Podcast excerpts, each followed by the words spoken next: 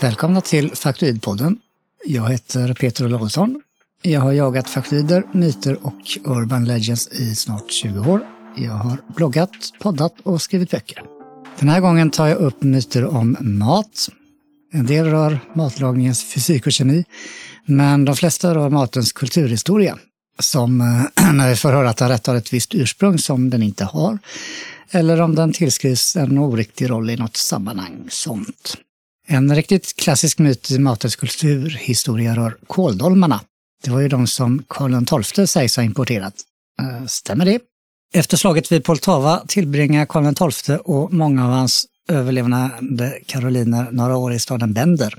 Idag ligger Bender i Moldavien, eh, närmare bestämt Transnistrien, ett autonomt område som inte erkänns som stat. Eh, på Karl XIIs tid hörde Bender till det stora Osmanska riket, som ofta kallats Turkiet. Där skulle man ha stött på dolma, vinblad eller kålblad som svepts runt en blandning av kött och eh, exempelvis ris. Att den här rätten införs till Sverige utan mellanländer visas, eh, enligt språkvetarna, av själva ordet kåldolme. Man, eh, eller åtminstone de språkvetarna, ser på ordet att det är ett direktlån från turkiskan, utan att ha filtrerats genom andra språk. Även om det inte finns något som direkt talar emot teorin att Karl XII, eller åtminstone någon av hans karoliner, skulle ha tagit med sig receptet hem, så kan man konstatera att det heller inte finns något som bekräftar den. Vi har inga dagboksanteckningar, inga samtida recept, eh, inga första eller andrahandsbelägg för tillagande av kåldolmar och sugna karoliner. Eh, kort sagt, inga belägg.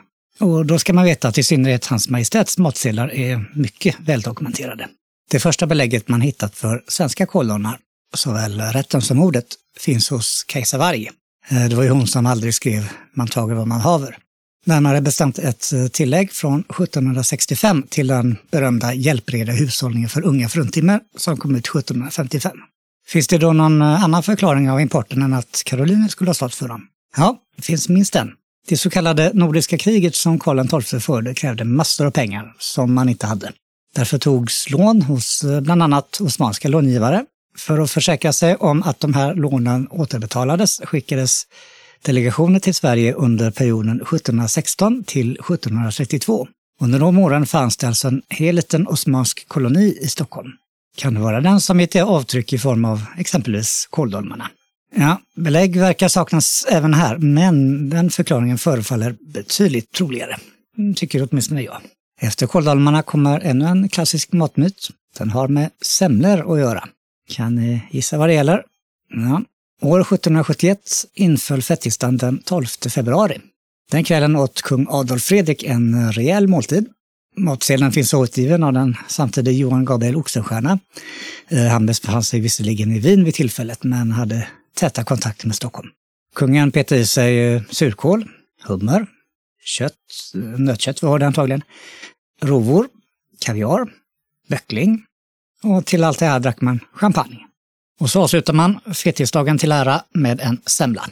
Eller rättare sagt en hetvägg. Eh, här brukar man inflika att eh, 1700-talets hetväggar var ganska annorlunda än eh, deras ättningar, semlorna. Hetväggarna utgjordes av bullar som värmdes i mjölk. Punkt. Ingen grädde, ingen mandelmassa under lock. Nog är saken. Efter den stadiga måltiden gick det knappt tre timmar innan kungen, som det står i obduktionsprotokollet, blev angripen av häftigaste magkramp och spasm i underlivet. Kort därefter dog han.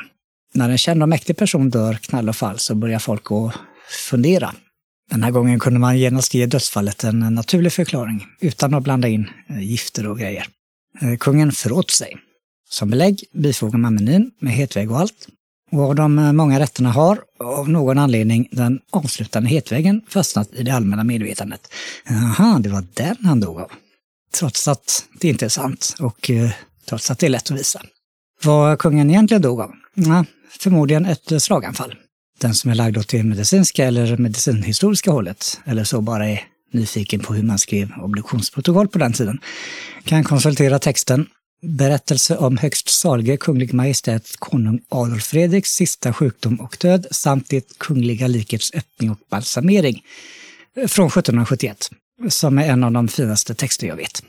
En variant av myten går ut på att Adolf Fredrik skulle ha petat i sig en mängd semlor, eh, eller hetväggar då.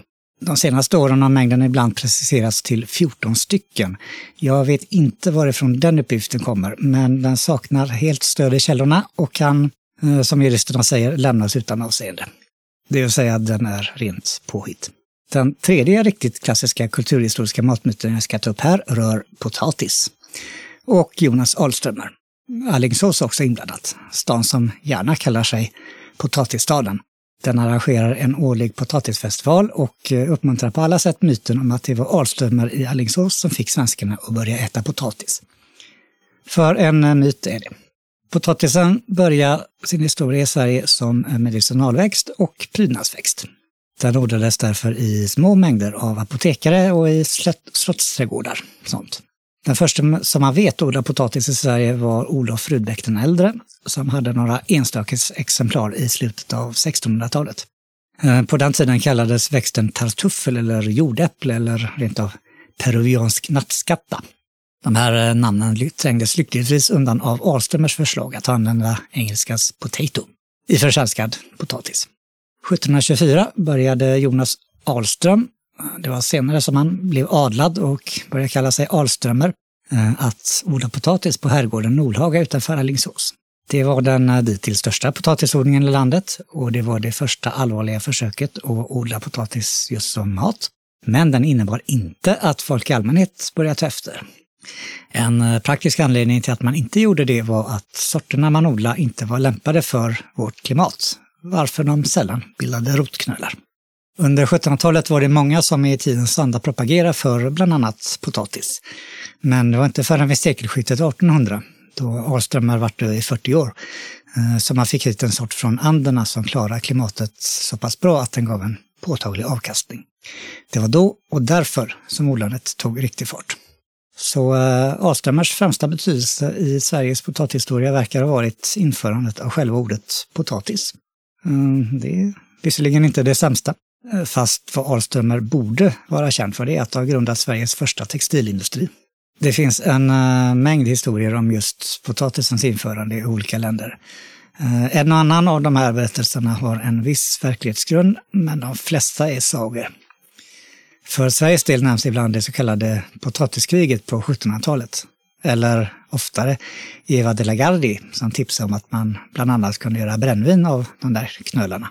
Men varken kriget eller de la Gardie innebar någon särskild ökning av potatisodlandet. Många av de här berättelserna verkar ha myntats och åtminstone spritts av folk utan djupare kännedom om verklighetens jordbruk. I de här sagorna kan folk ta hem några potäter och börja odla. I verkligheten vill man känna till hur och när potatisen ska sättas, gallras, skördas. Man vill veta vilka jordmåner som passar och inte passar. Eh, om hur och när den ska gödslas med mera. Allt sånt hade man koll på när det gällde befintliga grödor. Att eh, utöka verksamheten med en ny sort, det var inte något man gjorde bara sådär. Det där var några tyngre klassiska faktorer.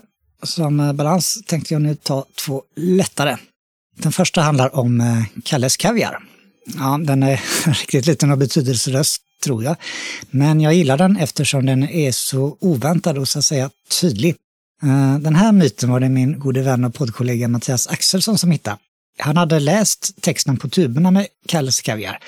Eh, minns ni vad det står? Originalet från 1954. Även marknadsföringen på nätet gör en grej av årtalet 1954. Eh, vad Axelsson gjorde var att göra en enkel snabb sökning på Kalles kaviar på eh, tidningar.kb.se.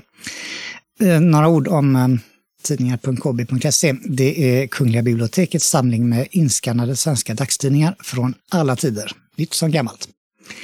Man har begränsad tillgång till det senaste seklet ungefär, men annars är det fritt fram. Det är en oerhört användbar sajt. Så eh, vad får man fram om man söker på Kalles Kaviar på tidningar.kb.se? Man får reda på att den första reklamen för Kalles Kaviar gjordes 1950. Inte 1954 utan fyra år tidigare.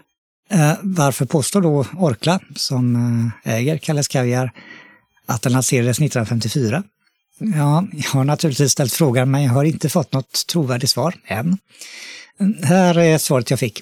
Abba köpte receptet av mildrökt kaviar 1950 och sedan följde några år med testtuber och planering för att sedermera lansera Kalle Sprätt så som den ser ut enligt dagens utformning med en liten blond pojke och blå och gul tub. Därför menar vi på att den lanserades just 1954 som färdig produkt. Glad smiley slutcitat. Men eh, från åtminstone 1952 finns det reklam där Kalles Kaviar finns i tuber, snarlika dagens, inklusive Kalles porträtt. I reklamen har han funnits med från första början 1950. Onklas version eh, stämmer helt enkelt inte. Det berättas även om att receptet på Kalles Kaviar köptes av en gårdfaderhandlare för den eh, vid den tiden rundliga summan 1000 kronor. Om det stämmer vet jag inte. Men jag är säker på att köpet inte gjordes 1954 som det står lite varstans, eftersom kaviaren lanserades fyra år tidigare. Att köpet skulle ha genomförts 1950 känns också tveksamt, men det är en detalj. När uppgifter om åldern på varumärken inte stämmer så brukar det vara för att de framställs som äldre än de är. Jag vet ingen annan produkt som tillskrivits en yngre historia än vad den egentligen har. Och varför frisera sanningen med futtiga fyra år? Ja, här har vi ett fint litet mikromysterium som väntar på sin lösning. Kalles Kaviar var ingen eh, stor eller världsomvälvande faktoid, precis. Eh, och det är väl inte heller nästa. Den handlar om hjorthornssalt.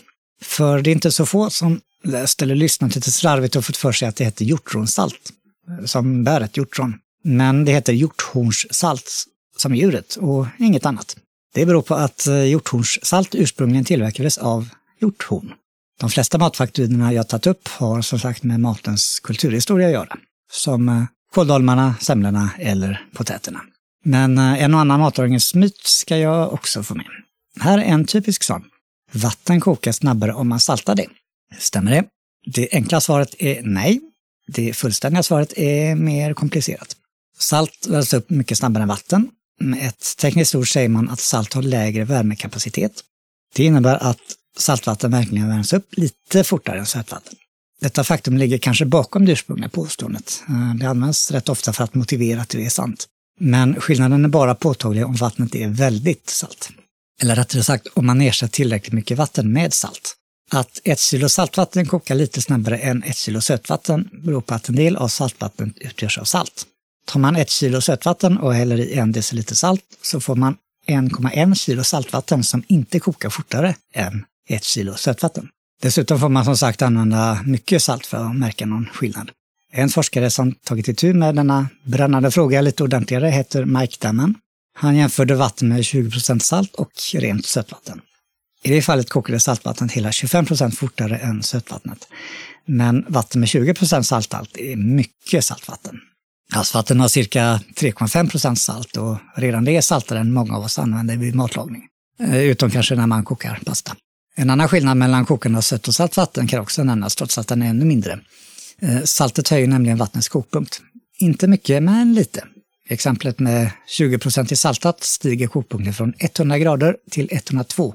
För att sammanfatta, saltvattnet värms upp lite fortare än sötvatten, men måste bli lite varmare än sötvatten för att koka. I praktiken är skillnaderna alldeles för små för att spela någon praktisk eller ens märkbar roll. Nu ska jag ta upp vad som inte bara är en rätt utan en hel genre av mat och dryck med för den delen.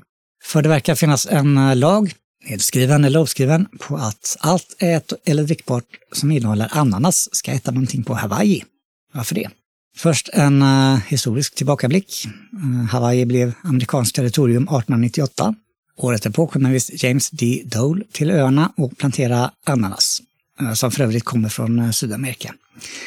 Det var inte den första ananasen på Hawaii, men Dole planterade långt fler än man sett under hela 1800-talet.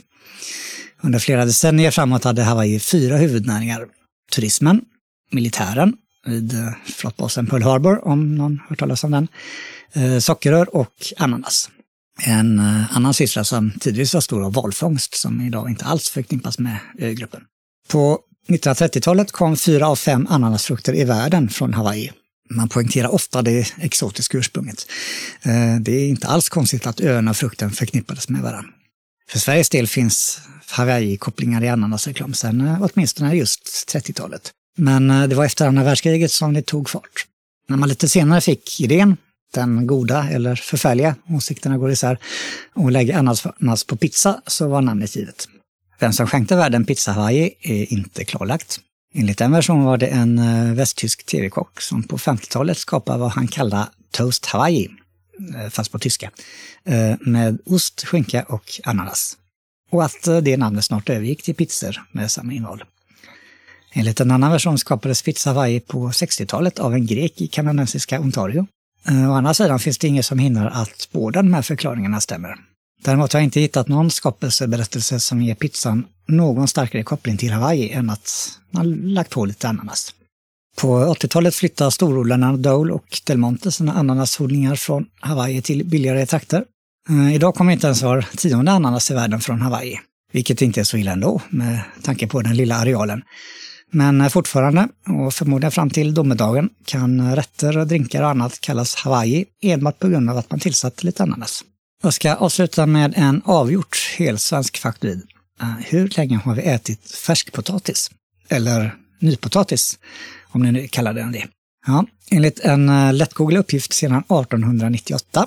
Eh, man kan läsa att en påhittig potatisbonde på Kullahalvön vid midsommar det året tog sig för att skörda sin potatis mycket tidigare än vanligt och ta den till eh, borggästerna i Mölle, där det vackra folket gärna tillbringar somrarna på den tiden.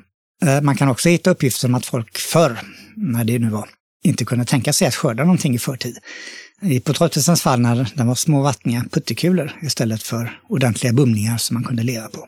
Eh, eh, det kan poängteras att grejer med färskpotatis i midsommar inte har med odlandet att göra. Att få fram färskpotatis vid den tiden är inte svårt, särskilt inte i Skåne. Grejen är kulturell. Ska man verkligen äta det här? Vill vi äta det här? Det skulle alltså ha funnits en sorts eh, tabu mot färskpotatis som bröts först framåt sekelskiftet 1900, sägs det. Men eh, det räcker att ta en titt på annonser i tidningar från 1800-talet, till exempel på tidningar.kb.se, för att hitta mängder med annonser för färskpotatis, såväl vid midsommar som tidigare på året. Även eh, mycket tidigare på året. Mitt eget rekord, och då har jag varken grävt djupt eller brett, är en annons från januari 1864 där färsk potatis och rädisor bjuds ut. Det var dessutom inte i Skåne utan i Norrköping. Eh, odlingen där utfördes i ett så kallat orangeri i Hylinge utanför staden. Eh, orangerier, eller apelsinhus som det betyder, var dåtidens växthus. Uppvärmda lokaler där allehanda grönsaker, frukter, blommor och annat kunde drivas upp ungefär när som helst på året. Det blev inte billigt, men det blev dyrt. Att en bonde vid midsommar 1898 tog färskpotatis till badgästerna i Mölle betvivlar jag inte, men han var långt ifrån först. Att han skulle ha varit allra först någonsin kan jag tänka mig börja som en uh, sån här familjemyt. Så småningom återgavs den i media och eftersom ingen verkar ha brytt sig om att kolla med fakta så fick den stå oemotsagd. Så är det ofta med faktoider. Myter med begränsad utbredning växer utan att kontrolleras. Ofta helt enkelt på grund av att ingen kommer på tanken att de skulle kunna vara osanna.